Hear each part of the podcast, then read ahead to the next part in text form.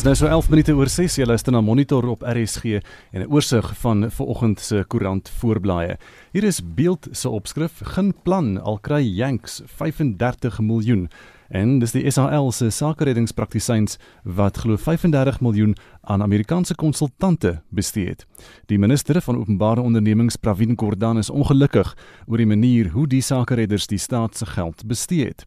Daar's ook 'n foto van mense wat bene rek en die kans tussen 6 en 9 soggens behoorlik benut. Die burger sê ook Pravin grom vir SAL sakeredders. En dan besonderhede oor die YouTube-video's wat oud-president Jacob Zuma en sy seun Duduzane maak, waarin hulle vertel van die gif en ander dramas in hulle familie. En dit lyk of hulle 'n paar name deur die modder gaan sleep. En dan ook golfspelers op Swellendam moet maar verlief neem neem dat hulle nog nie hulle stokke kan gaan swaai op die dorp se baan nie. Volksblad het die storie van die oud SAIK redakteur in die Vrystaat, die 65-jarige Barry Klasen wat in die stad aangeval en verdood gelaat is in sy meentuis in Universitas. Vyf mense is vas nadat sy voertuig in 'n informele nedersetting gevind is. Hy word vir beenbreuke in sy gesig in die stad se medikliniek behandel. Business Day berig oor 'n subtiele spanning tussen die president van die Reservebank, Lesetja Kganyago, en die adjunkminister van Finansies, David Masondo. Hy het gesê die voorstel dat die bank effekte direk by die tesourier moet koop, soos wat Masondo gesê het, is uh, soos 'n kliënt wat vir sy bankiere instruksie gee om vir hom geld te leen. En internasionaal op bbc.com Donald Trump sê die virus is die ergste aanval op die FSA na Pearl Harbor. Natuurlike stelling waarmee Japan nie, Japan nie baie tevrede sal wees nie, maar die president se woede is hierdie keer op China gewik vir wat hy dan nou as hierdie virus aanval beskryf. En dis vinnige oorsig van vanoggend se nuus. Suid-Afrikaners wat gesigsmaskers dra, sien mense dikwels uh, deesdae.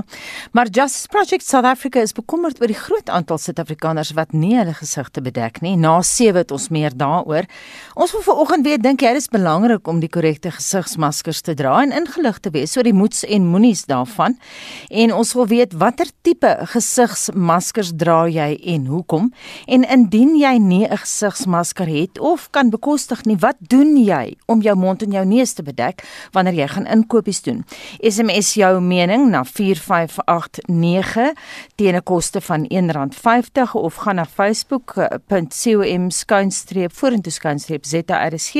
Jy kan ook vir ons 'n stemnota WhatsApp van 15 tot 0 verskoon my, nie langer as 30 sekondes nie en daai nommer 076 536 6961. 14 oor 6 in die kommersiële en spysenieringsvakbond Sakawu sê hy word oorval met klagtes van werkers oor onveilige werksomstandighede by Shoprite en Checkers winkels in die Wes-Kaap. Die vakbond sê COVID-19 is by 200 van sy lede in die provinsie gediagnoseer en twee werknemers is dood. Mitsi van der Merwe doen verslag. Sakawu sê COVID-19 gevalle is by 17 Checkers en Shoprite winkels in die Wes-Kaap aangemeld. Die streeksekretaris Crosby Boy sê die kettingwinkel moet meer voorsorgmaatreëls volgens COVID-19 riglyne in plek stel om werkers te beskerm.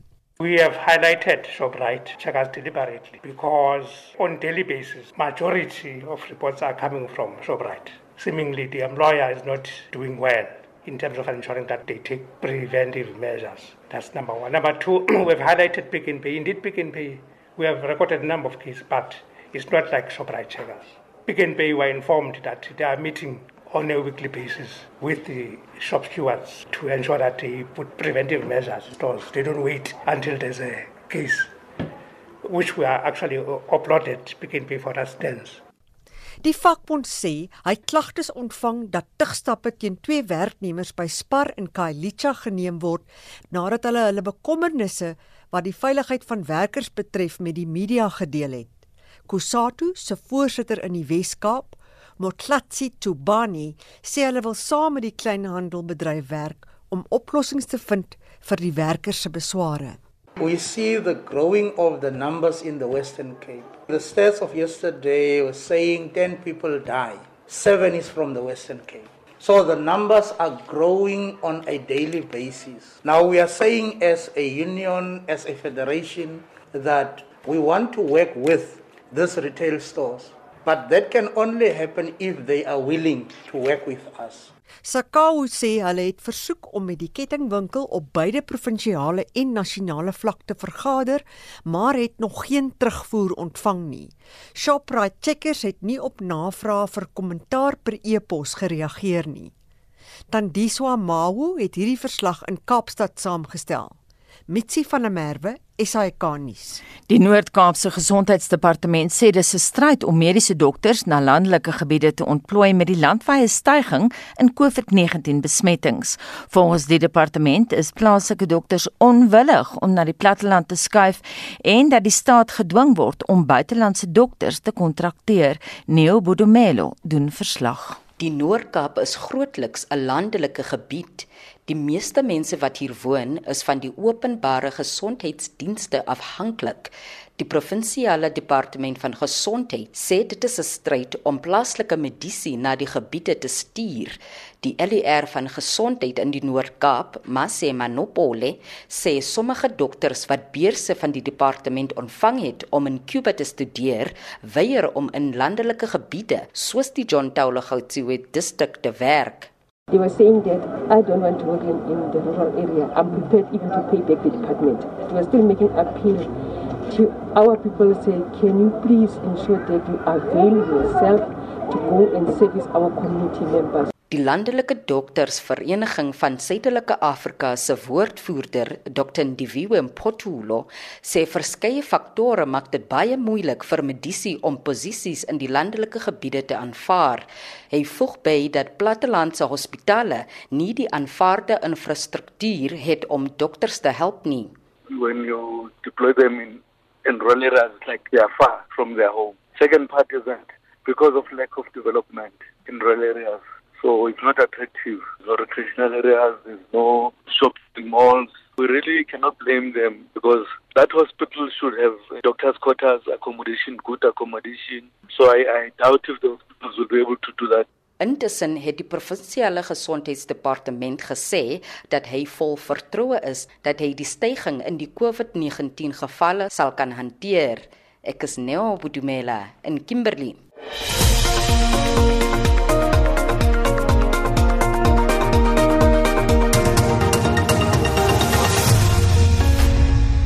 Die Weskaap is Suid-Afrika se episentrum van bevestigde COVID-19 gevalle.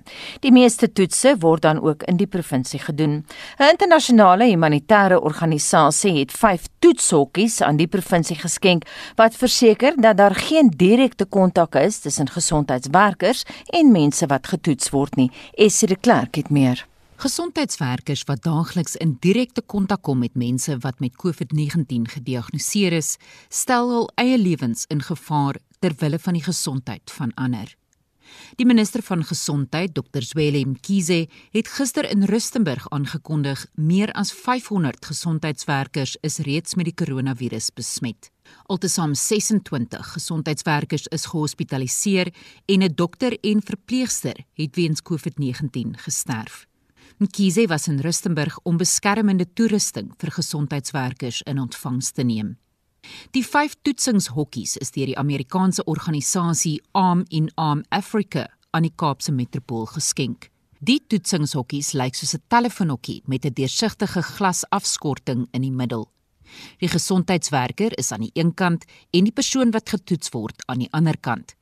Daar is ook herbruikbare rubberhandskoene aan die kant wat deur die gesondheidswerker gebruik word. Maar dit is nie nodig vir die gesondheidswerker om enige ander beskermende toerusting te dra nie, sê die hoofskakelbeampte van die Klipfontein en Mitchells Plain gesondheidsstruktuur, Monique Johnston. Our staff are less at risk from contracting the coronavirus when testing because the health worker inside the booth is not in direct contact with the patient when conducting the nasal swab, so they do not use additional personal protective equipment beyond the standard exam gloves and surgical masks, which also saves vital supply of items, including the N95 masks, face shields, and the gowns. Johnston sê die hokkies is in Gugulethu, Philippi, Mitchells Plain, Athlone en Nyanga versprei omdat die gebiede van die mees kwesbare gemeenskappe in die Wes-Kaap het. So these booths were donated by an international organization from Minnesota in the USA called Arm in Arm in Africa, which has been conducting humanitarian work in food supply, healthcare, and education since 2000 in the Guguletu and the Mitchells Plain areas and thought that they could assist by donating these sanitized booths to our healthcare facilities in the area as there is a high demand for testing in these areas and they wanted to make it safer for staff, for our medical practitioners when they are conducting the testing. Daar is reeds 600 bevestigde gevalle in die woonbuurte aangemeld sedert gesondheidswerkers in die tweede week van April mense in die areas begin toets het. Currently, as of the 5th of May, we have screened 3,086 community members, which was only on the 5th of May. And then we've sent for testing 396 people. And then combined, currently, as of the 5th of May, the figures that we have of positive COVID 19 cases are 660 and these people have been told to self isolate and they're also being monitored daily until they are fully recovered after the 14 day isolation period. Dit was die hoofskakelbeampte van die Klipfontein en Mitchells Plain gesondheidsstruktuur Monique Johnston. En ek is Estie de Klerk vir SAK nuus. 25 minute oor 6 en Volkswagen Suid-Afrika het fondse van sy moedermaatskappy in Duitsland bekom om 'n mediese fasiliteit in Port Elizabeth in te rig wat as 'n volwaardige hospitaal kan dien met die oog op die COVID-19 pandemie. Die Duitse maatskappy het reeds 'n ou aanleg vir komponente in Korsten in Port Elizabeth in 'n tydelike mediese sentrum verander vir pasiënte wat in die Nelson Mandela Bay metro in kwarantyne moet wees. Nou gaan dit opgegradeer word sodat baie siek pasiënte wat suurstof moet kry ook daar behandel kan word. Veronica Fourie doen verslag. Die 66000 vierkante meter gebou sal in fases verander word vir pasiënte met verskillende vlakke van simptome. Wanneer die plek voltooi is en ten volle operasioneel is, sal daar 4000 beddens kan wees. Die projek van 107 miljoen rand sal beskik oor toerusting soos ventilators en daarvan sal ook aan ander hospitale gestuur kan word. Die Weskaapse premier, Oscar Mabuyane, sê die inisiatief sal die provinsie se gesondheidsdienste beslis 'n hupstoot gee. This field hospital will help us with that. Should there be a need for people to be hospitalized, we won't be caught off guard and found wanting. We will be ready for the demand for hospital beds. The inevitable, colleagues, is unavoidable. The enemy is moving very fast. We must be proactive. Planne om meer professionele gesondheidswerkers in diens te neem is nou 'n saak van dringendheid. Mabuyane sê sowat 1000 gesondheidswerkers sal in diens geneem word. We are going to make sure that this has got enough uh, human resource. So we will be addressing that. All nurses we're currently employing about 1000 nurses as additional human resource to the capacity we have. Even here we will going to do everything possible to ensure that 4000 patients that will be here will be able to be uh, having nurse uh, in terms of their ratio. Die projek sal binne 6 weke voltooi wees.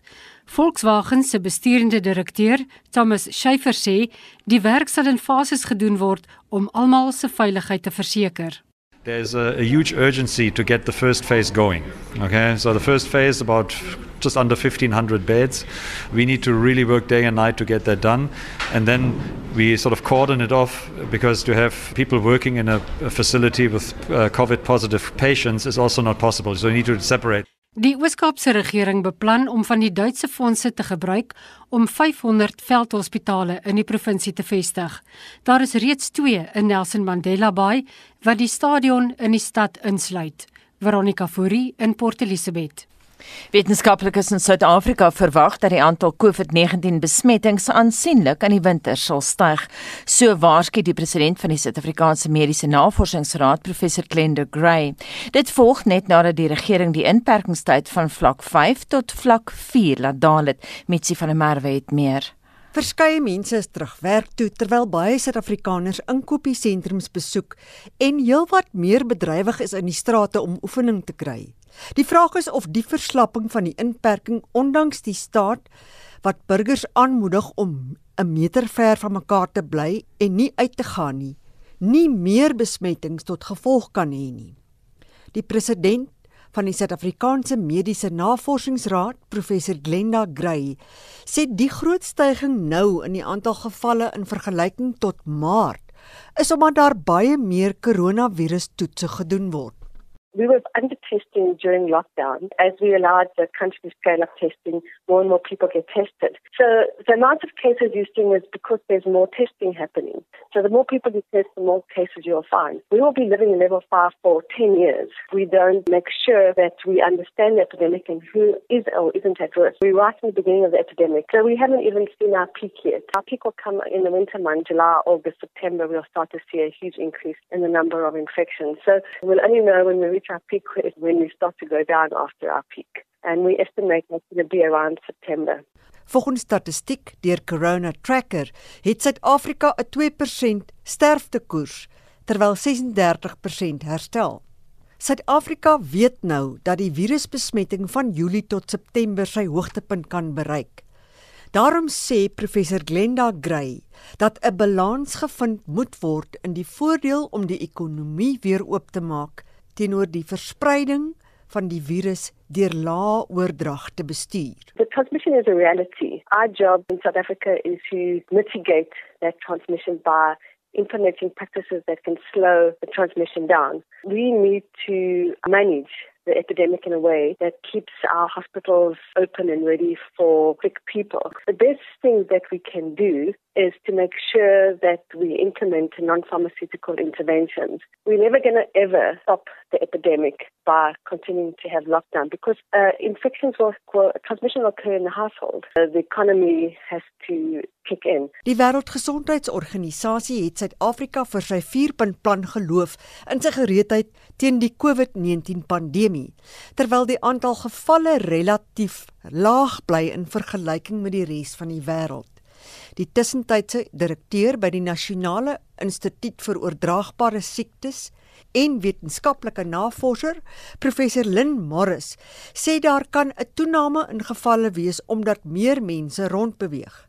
Sy beklemtoon wel dat Suid-Afrika se benadering teen COVID-19 sover gewerk het. There may well be a, an increase in the number of cases. Symptoms will start showing anytime after five days. It's also related, of course, to the number of tests that are being done. The number of tests also continues to increase, so we need to also see it in the context of that. There's no doubt that uh, we've had a very aggressive approach to it, and it clearly has worked. I mean, we can see that both in terms of the number of cases and also the number of deaths. The lockdown has been successful, but I think what we've also seen is the negative effects of, of a lockdown, the economic impacts, and obviously we need to get back to normality. But hopefully people now have this heightened awareness. Professor Morris sê vlak 4 is begin om die ekonomie aan die gang te kry en nie om geleenthede te skep waarin die dodelike virus versprei kan word nie. Met die verwagting dat COVID-19 ontstekings van Julie maand sal styg, maan die land se wetenskaplikes jou om 'n meter weg te bly van ander mense en jou hande gereeld te was. Prabashini Mudli het hierdie verslag saamgestel. Mitsi van der Merwe SAK nuus.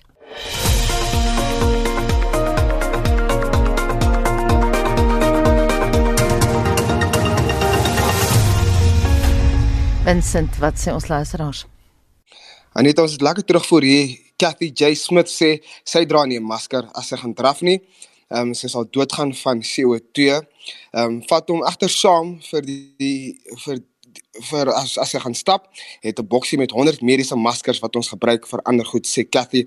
Joe Shepper sê sy gebruik masker korrek, nie net mond bedek nie, neus ook. Diegene wat bil dra, wat bril dra, haal bril af en sit masker dan op, anders help dit mos niks nie. Nuklin Smalman sê ek dink dit kan tog 'n mate van beskerming bied. Ek het 4 maskers wat ek afwissel en was. Ek het 'n masker en bandana probeer in 'n bandana probeer hardloop, maar ervaar maar die ervaring is te erg. Die asemnood en dit ek haal dit maar af. Ek hardloop dus sonder 'n masker en sorg dat ek nie aan die ander kant van die pad hardloop as ek 'n voetganger of ander hardloper moet verbysteek nie, sê Nicoline Smalman. Dan Rex Bester het 'n lekker um boodskap gestuur van sy sê te veel weer weersprekings wat masker betref. Die betroubare bron wat ek geraadpleeg het, is van mening daar is geen manier dat 'n masker wat jy uit lab maak die virus gaan keer nie. Jy kan jy kan regtig net sowel ehm um, okay, gaan daai woord nie gebruik nie op jou kop dra. Ehm um, sy sê sê jy kan 'n onderbroek eerder op jou kop dra. Die rede is dat die virus 0,06 mikrometer tot 0,14 mikrometer groot is en daarom reg deur die lab kan gaan. Blykbaar is die Rolls-Royce van maskers maar chirurgiese maskers of een van die skaars N95 maskers en dit is Rex Bester se raad daar. En dan sê Beatrix broer vir ons, die vader alleen weet hoekom mense moet maskers moet hardloop, draf of stap. En Warren Williams sê ons maak seker nou weet te veel geld, die government wil weer ons moet hulle masks dra sê Warren en dan sê Elsa Hubert hierso ek is 'n voorstander voorstander van sosiale afstand tussen mense ek glo ek glo regtig as ons dit toepas is maskers nie nodig nie meeste weet in elk geval nie hoe om dit reg te hanteer nie so Anita ons het reg ons het baie um, terugvoer hierso van ons luisteraars af wat vir ons sê watter tipe gesigsmaskers hulle dra en hoekom en indien jy nie 'n gesigsmasker dra nie of kan bekostig nie, wat doen jy om jou mond en neus te bedek wanneer jy byvoorbeeld inkopies gaan doen of gaan draf? En luisteraars kan vir ons hulle mening stuur deur 'n SMS by 45889. Daardie SMS kos R1.50 en hulle kan hulle mening op ons Facebookblad deel by facebook.com vorentoe skynstreep ZARSG of stuur vir ons jou stemboodskap by 076 5366961 en hou daai stemboodskap so 30 sekondes. En bly ingeskakel want na 7 praat ons met Howard Dembowski van Justice Project South Africa wat bekommerd is oor die verkoop en handeldryf in maskers by taxi plekke. Hy sê dat van die mense daar maskers aanprobeer tot 5-6 maskers aanprobeer en so kan die virus ook versprei. Ons praat ook na daardie onderhoud met 'n mediese dokter oor praktiese raad vir hoe jy jou masker moet dra. Dis nou 23 minute voor 7 en Shaun Jooste het die jongste sportnuus. In rugbynuus, die Suid-Afrikaanse rugby het aangekondig dat die Bokke in hulle Walliese Fiksheidsguru al uit Walter se paadjies geskei het.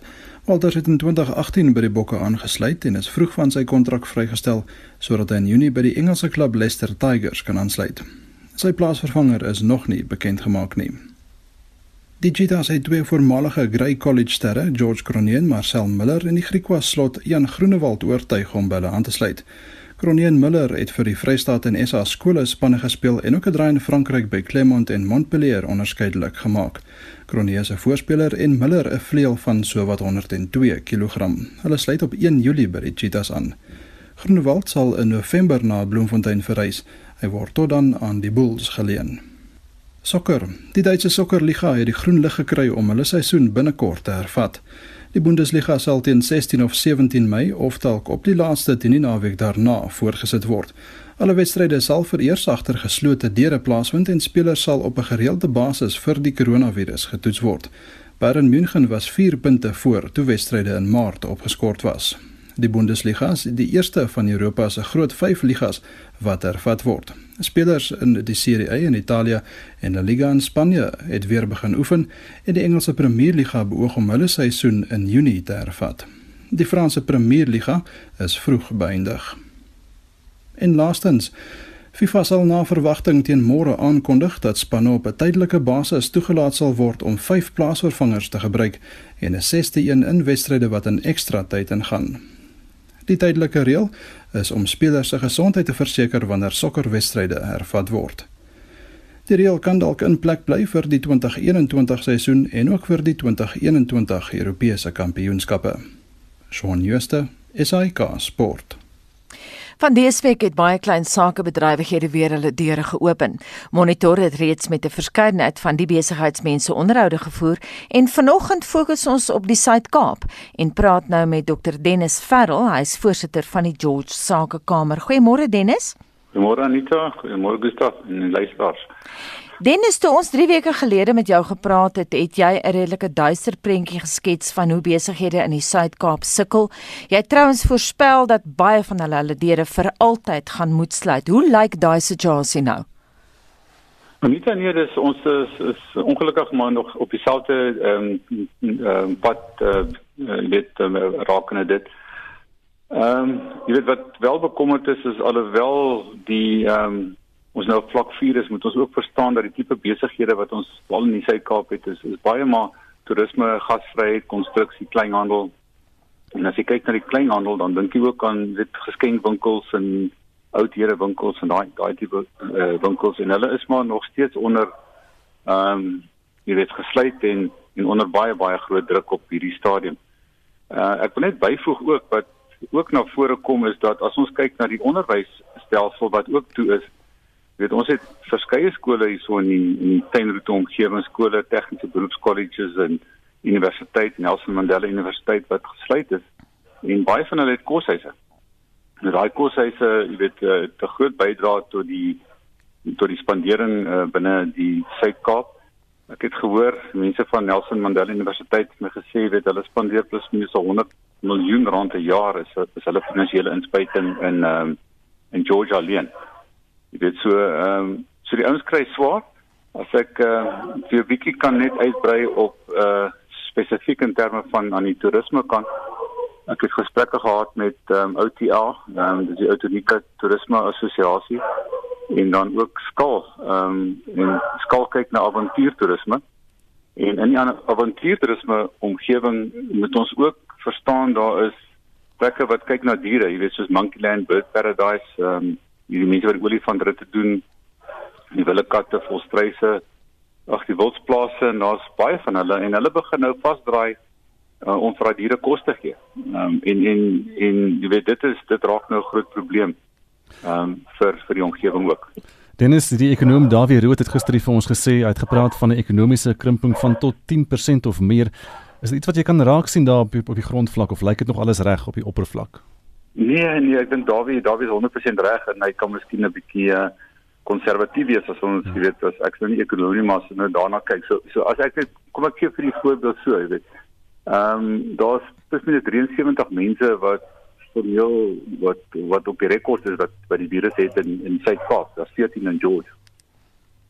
So dit is plus minus so 0,01% van die totale populasie van hmm. uh, van George spesifiek. Maar heidaglik is daar voedingsskemas wat uh, die formeel is 136 en wat um, 23000 mense per dag kos gee. So dis oor die 10%, dis amper 11% van George se populasie. Dis sê vir ons die werkloosheid groei net Ehm um, en daar's dan moet weet daar's nog ander voedingsskemas wat nou nie so genoeg formeel is nie. So daar is heeltemal reg. Uh, jy weet mense kry swaar, die daar is nie werk nie. Die, die mense wat werk verloor in al die sektore so toerisme en konstruksie en so voort gaan lank vat voordat daai werkskeping weer weer ehm um, daar gaan wees.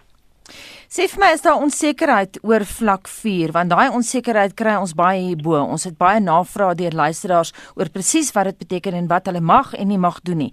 Het julle daai gevoel in die Suid-Kaap onder besigheidslaai? Ja, ja, ja, baie baie beslis. Ehm um, vir mense is onseker, jy weet, veral ehm um, wel gelukkig, kom ons stel dit so gelukkig hoor ons nou van vandag af kan jy gaan warm koffie koop, maar jy mag nie daar sit en drink nie. Jy kan ook nie ander ander ehm um, uh, versnapperings by by die ouens koop nie. Maar ja, die mense is onseker. Hulle ehm um, ek dink baie mense gebruik die geleentheid van vlak 4 om eintlik rond te beweeg as, as jy my vra, jy weet, so daar is meer verkeer verkeer in in die dorp en in in die omgewing. Maar ehm um, in gesprekke met ehm um, uh met met ander besigheidskamers en en mense in die ander dorpe is die onsekerheid is nog steeds daar. Ehm um, dan is daar ook 'n hoë koste. So al is daar vlak 4 en jy kan gaan weet jy deure oopmaak is daar in terme van die arbeids uh, of die beroepsveiligheid is daar baie dinge wat in plek moet kom en dit is vir die koste van jy weet daai daai klein sake man. En dis hoë koste. So die onsekerheid bestaan. En nie te wat wat wel eintlik ehm um, baie bevrees amper hoendervleisgoeder wat wat nou begin plaasvind ook is dat jy weet in Bito en Plettenberg Bay het uh, een van die privaat uh eienaars van een van die ehm um, uh van van die sparre daar het begin rakke oopmaak sodat die restaurante wat in die omgewing is van hulle produkte wat hulle nie kan aflewer daar verkoop. So en dit word jy weet daar word uitgestal en sê hierdie kom van ABC af en daar's geen ehm um, addisionele kostes nie en dit begin ook plaasvind in plekke so Stilbaai en ook hier in George waar ehm um, die baie mense begin hande vat. So waar daar onsekerheid is, kan ek of kan ek nie oopmaak nie. Die groter mense wat in privaat ehm um, eienaarskap is, hulle gee die geleentheid. Dennis, wat van die munisipaliteit? Uh, kry hulle steun van hulle of uh, hoeveel steun kan hulle ook gee? Nee, ongelukkig moet ek sê is dat behalwe vir Mosselbaai munisipaliteit wat na die tafel toe gekom het, is die ander munisipaliteite baie stil Ons het al verskeie versoeke gerig uh, oor die streek heen in terme van dit is daar verligting op belastings vir ehm um, ehm um, vir besighede maar ook vir individue die uh, waar jy, as jy antwoord kry sou die antwoord net wees ja maar ons het ook 'n begroting ons moet ons ehm um, weet ons het ook kostes wat ons moet aangaan. So daar's ongelukkigheid ons praat ehm um, gereeld met hulle en dis nou op die punt wat ons jy weet baie baie sterk uh, na vore toe kom met hulle en ehm um, waar nodig uh, praat ons ook met mense soos jy weet of organisasies soos Sakkie maar ook met sake liga.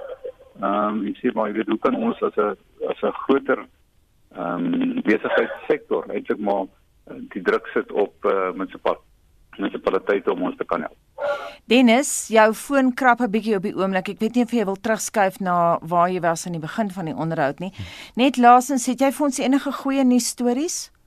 Ja, ehm um, soos ek nou genoem het van die van die van die van van die jy weet van die uh die, die kleinhandelwinkels maar uh, wat ons agterkom ook is dat in die gemeenskappe begin saam staan jy weet daar's uh, amper 'n uh, ruilhandel tipe besighede wat begin waar mense sê hoorie maar ek het nou uh jy weet ek het sê maar ek het nou pompoene en en ek kan ek kom gee vir jou en die ou gee vir daai ou slaai en so gaan ons aan ek dink dis amper 'n industrie wat wat uh wat na Covid of wat nou gaan begin posvat en aangaan. Ek het gister gehoor van 'n uh, persoon wat gebou verhuur. Ehm um, en hy het gegaan na die mense wat by hom hier te sê hoor jy ek weet julle is onder druk, ek weet julle. Maar weet jy wat hy wat hy gaan doen? Hy gaan nou by hulle gaan hy ehm um, aankope doen ter waarde van die hier minstens die hier wat hulle hom moet betaal. So baie kan doen ondersteun hy so dan kan hulle hom betaal. So jy weet so ehm uh, So so dis baie baie positief wat begin plaasvind uh, glo ek in in sulke in, in ons omgewing ja. Baie dankie so sê Dr Dennis Ferrell, hy's voorsitter van die George Sakekkamer. Nou, uh, verskeie luisteraars is ewe verward oor wat inperking vlak 4 nou eintlik beteken. Wat mag hulle en wat mag hulle nie? Een vraag wat herhaaldelik opduik is geskoei op die verhuuring van woonstelle agter in 'n mens se erf. 'n Tipiese voorbeeld is die van Dr Marlene Zwiggers van Belgravia in Kimberley wat monitor vroeër die week gekontak het. En dis wat sy te sê gehad het. Anita, my bekommernis is dat met die verhuuring van 'n woonstel byvoorbeeld, is dit juis addisionele inkomste. En met daai addisionele inkomste dra jy natuurlik jou uitgawes. En as uitgawes soos ek het byvoorbeeld 'n kosbare vrou wat twee keer 'n week inkom En omdat dit reg is, natuurlik, maar geen ander manier ek daaroor sou dink nie, betaal ek haar haar volle salaris. Dan het ek ook 'n tuinman wat eenmaal 'n week inkom, dieselfde in sy geval, ek betaal hom sy volle salaris, want jy weet wat moet hulle ook doen in hierdie tyd en hulle behoeftes droog ook nie op nie. My probleem is nou net, ek het geen reg om hierdie woonstel van my tuinwoonstel net langs my huis met 'n uh, afskorting, weet daar's 'n uh, hyne tussenin.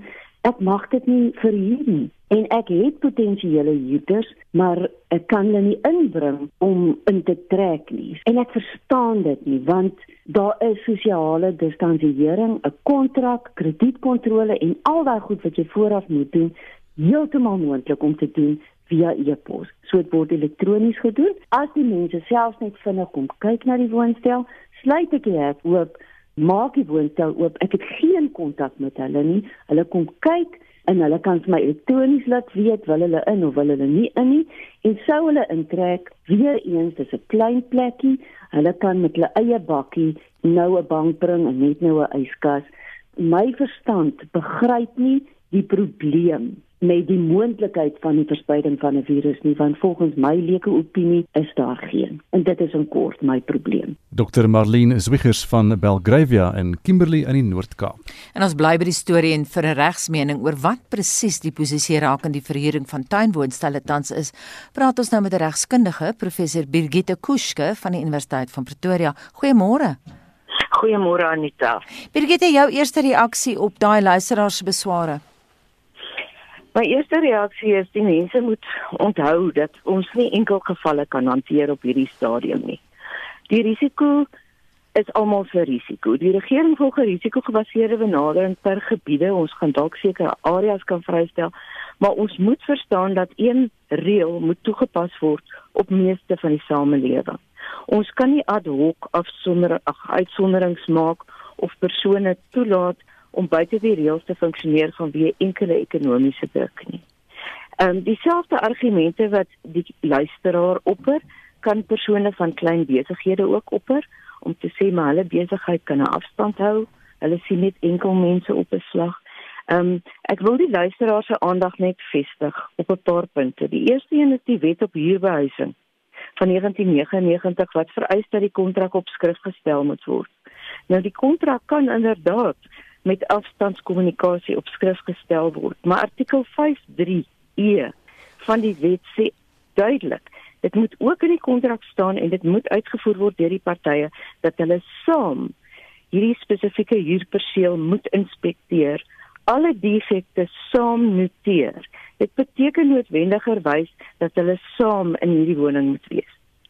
Dan moet die persone ook gereeld reis om te trek, daar moet meerdere mense saamreis om te trek. En soos ons weet, mag jy net van jou woning af reis vir essensiële dienste of noodsaaklike dienste wat jy moet lewer of noodsaaklike dienste wat aan jou gelewer moet word soos mediese dienste. Hmm. En selfs dan net in bepaalde gebiede. Tans is daar 'n storie wat loop dat die polisie permitte kan uitreik dat 'n persoon van huis na huis mag trek of beweeg. So uit jou woning uit gaan waar jy tans in kwarantyne was en dan reis na 'n ander gebied. Die polisie kan dit nie doen vir gewone huurkontrakte nie. Dit gaan hier oor die kruis van grense van provinsies en dan slegs vir mense wat terugkeer na bestaande woning of mense wat terugkeer om 'n werk te gaan doen wat tans oopgestel word waar hulle essensiële dienste en goedere moet verskaf aan die samelewing. So die polisie permit kan nie werk vir 'n vrywillige huur wat nou tot stand kom nie. Birgit, kom ons kyk na ander stories ook en ander goed. Wat van onafgehandelde boedels? Ek verstaan die akte kantoor is nog nie oop nie. Hmm. Die akte kantoor het maandag oopgemaak slegs vir sanitasie en reiniging. So hulle moet eers die hele perseel skoonmaak soos jy weet is daar verskeie akteskantore in die land in die mm. groot sentra en by die tyd wat hulle klaar is daarmee gaan die aktesproses eers verder. Daar sit tans persone wat okupasie huur moes neem van eiendomme wat hulle gekoop het en eiendomme wat hulle nou moet verlaat wat hulle verkoop het en wat nie daai huurregte kan uitoefen nie. Mm. So dit is regte wat al gevestig is voor die Grendel tydperk begin het en hulle kan nie die reg uitoefen vanweë hierdie reëls nie. Daarom sal 'n enkel geval van 'n vrywillige huur wat nou eers gesluit word, tog sekerlik ook nie uitgevoer kan of mag word nie. Mens verstaan die argument dat die dame dalk bly in 'n afstandsgebied, ehm um, dat dit moontlik is om tydens die verloop van die huur afstand te behou. Maar die initiële beweging, die initiële inspeksie die afstand gaan onvoldoende wees vir doeleindes van vlak 4 van ons huidige wetgewing. Birgit, het die regering uh, genoegsaam gekonsulteer met julle regslui voordat hierdie beperkings ingestel is? Die probleem wat ons het is met die aktes is daar geen konsultasie gewees oor hoe ons voortgaan met spesifiek transaksies wat tydgebonde is nie. Ons sit met aktes waar daar uitklaringssertifikate van plaaslike owerhede uitgereik is dat betalings gedoen is. Ehm um, daar is hier regte kwitansies en dan is daar natuurlik goed soos huweliksvoorwaarde kontrakte wat binne sekere tye geregistreer moet word en daar is geen konsultasie gevoer met die algemene praktyk oor hoe gaan ons hierdie bestuur in hierdie tyd nie. So wat tans gebeur is ons as aktevervaardigers en prokureurs adviseer ons verkopers en ons kopers wat nou sit met die probleem van okupasie wat langer plaasvind of korter is, mense wat nie kan intrek nie en wat elders moet bly, adviseer ons maar die mense om te skik en op 'n vrywillige basis toegewings aan mekaar te maak en te probeer om 'n finansiële skikking te bereik oor hoe 'n mens hierdie gaan hanteer. Ek wil net vinnig terugkom na daai onafgehandelde boedels toe in die aktekantoor. Hmm. Jy het nou gesê hulle het maandag oopgemaak, maar dit is glad nie om dienste te lewer nie. Dis net uh, om alles te saniteer. Hoe lank gaan die proses ja. dan vat? Ons wag tans nog vir enige kennisgewing. Ek vermoed dat sulke groot geboue, dit is 'n hele straatblok hier in Pretoria waar die Aktis kantoor beslaan, ehm um, verskeie verdiepings dat dit nog al 'n tyd gaan neem. Ek glo nie ons gaan hierdie week weer aktiwiteit sien nie. Ek het nog ongelukkig geen vaste datum daar wat ek kan gee nie. Die Aktis wat ingedien is voor die grendeltydperk begin het, die lê nog alles daar. Hulle kan nie ondersoek word nie, dit kan nie deur die prosesse gaan nie en derhalwe is daar 'n klomp goed wat gaan verstryk. Maar wat ek vir mense kan hmm. sê is dit die proses gaan begin loop. Ehm um, dit sal in vlak 3 begin. Eiendomsagente in vlak 3 en 2. So die eiendomsmark, die verhuuringsmark en dies meer sal begin binne die voorsiene toekoms as ons dit maar so kan sê. Ons vestig ons hoop maar oor einde volgende week as die laaste tydperk waar binne ons dan moontlik kan begin om weer ekonomies aktief te raak op hierdie vlak. Birgitte, maar wat van die goed wat verstryk? Dit is die groot vraag wat ons mee sit. Die huweliksvoorwaarde kontrakte byvoorbeeld moet binne 3 maande van ondertekening moet dit geregistreer word. Nou 'n klomp mense het vinnig voor die grendeltydperk getrou, hulle troues ehm um, vorentoe geskuif vinniger getrou omdat hulle nie geweet het hoe lank gaan hierdie duur nie. Ek self het 'n het 'n huweliksvoorwaarde kontrak wat begin Maart geteken is. En dit moet binne 3 maande van ondertekening geregistreer word in die aktes kantoor om bindend te wees teenoor derdes. Is net baie duidelik sê dit is bindend teenoor die partye vandat hulle dit geteken het, maar dit is slegs bindend teenoor derdes as dit geregistreer is en die tydperke verstryk nou. So die regering sal dringend op hierdie vlak vir ons 'n aanduiding moet gee van uitstelperiodes. Ehm um, die die uitklaringssertifikate van die plaaslike owerhede, dit is moeiliker. Omrede dit 'n sertifikaat is wat bevestig dat die belastings en heffings vooruitbetaal is. En dit geld net vir 'n sekere tydperk. So ons vermoed dat daar weer 'n betalingsperiode gaan moet wees. Dan gaan weer 'n sertifikaat uitgereik moet word en dit gaan al ons transporte terughou en dit hou natuurlik op die pasie wat uitgeruil moet word terug.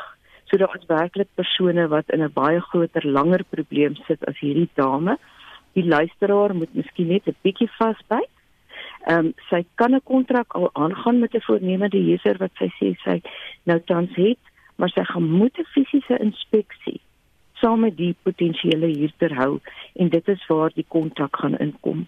En die vervoer van die meubels van die individu is ongelukkig nie essensiële dienste of noodsaaklike dienste wat tans mag plaasvind nie. Birgit net 'n vinnige laaste vraag. Vandag is die laaste dag wat mense tussen provinsies kan reis. Is dit korrek? Ja. Dis reg. Vandag is die laaste dag en jy mag terugreis van waar jy nou was tydens die grendeltydperk, maar slegs terug na jou oorspronklike woning of 'n woning wat jy voor die tydperk bewoon het. So jy kan nie nou in 'n nuwe plek intrek nie. Jy moet teruggaan, jou beweging moet wees na jou vaste verblyfplek of dan vir werk of skool. Maar siende dat die skole nou nog nie oop is nie, het van die kinders wel gekies alhoewel hulle 'n polisiepermit gehad het om oor grense terug te ry skole toe na die koshuise toe, gekies om nou maar liewer te bly tot tyd en wel die skole oopmaak. Baie maar dankie. jy kan nie nou reis na 'n nuwe perseel nie. Ba hoekom hotelle en gastehuise ook nie mag oopmaak nie. Baie dankie en daai raad kom van die regskenner professor Birgitte Kuske van die Universiteit van Pretoria. Kom ons gaan vinnig na jou toe Vincent. Anita is Pietrix broer wat sê die vader alleen weet hoekom mense moet maskers moet hardloop en draf en en stap. Dit is nog 'n bekommerde luisteraar daai Elsie Hubert sê ek is 'n voorstander van sosiale afstand tussen mense. Ek glo regtig as ons dit toepas is maskers nie nodig nie. Meeste weet in elk geval nie hoe om dit reg te hanteer nie. En dit is van die terugvoer wat ons vanoggend kry. Ons wil luisteraars weet watter tipe maskers dra jy en hoekom? Indien jy nie 'n gesichtsmasker het nie of kan bekostig nie, wat doen jy om jou mond en neus te bedek wanneer jy byvoorbeeld inkopies gaan doen? Stuur vir ons jou boodskap na 45889 teen R50 per SMS of deel jou mening op ons Facebook bladsy, maar jy kan ook 'n stemboodskap na 076 536 6961 stuur of gesels saam op facebook.com vorentoe skynstreep ZARSG.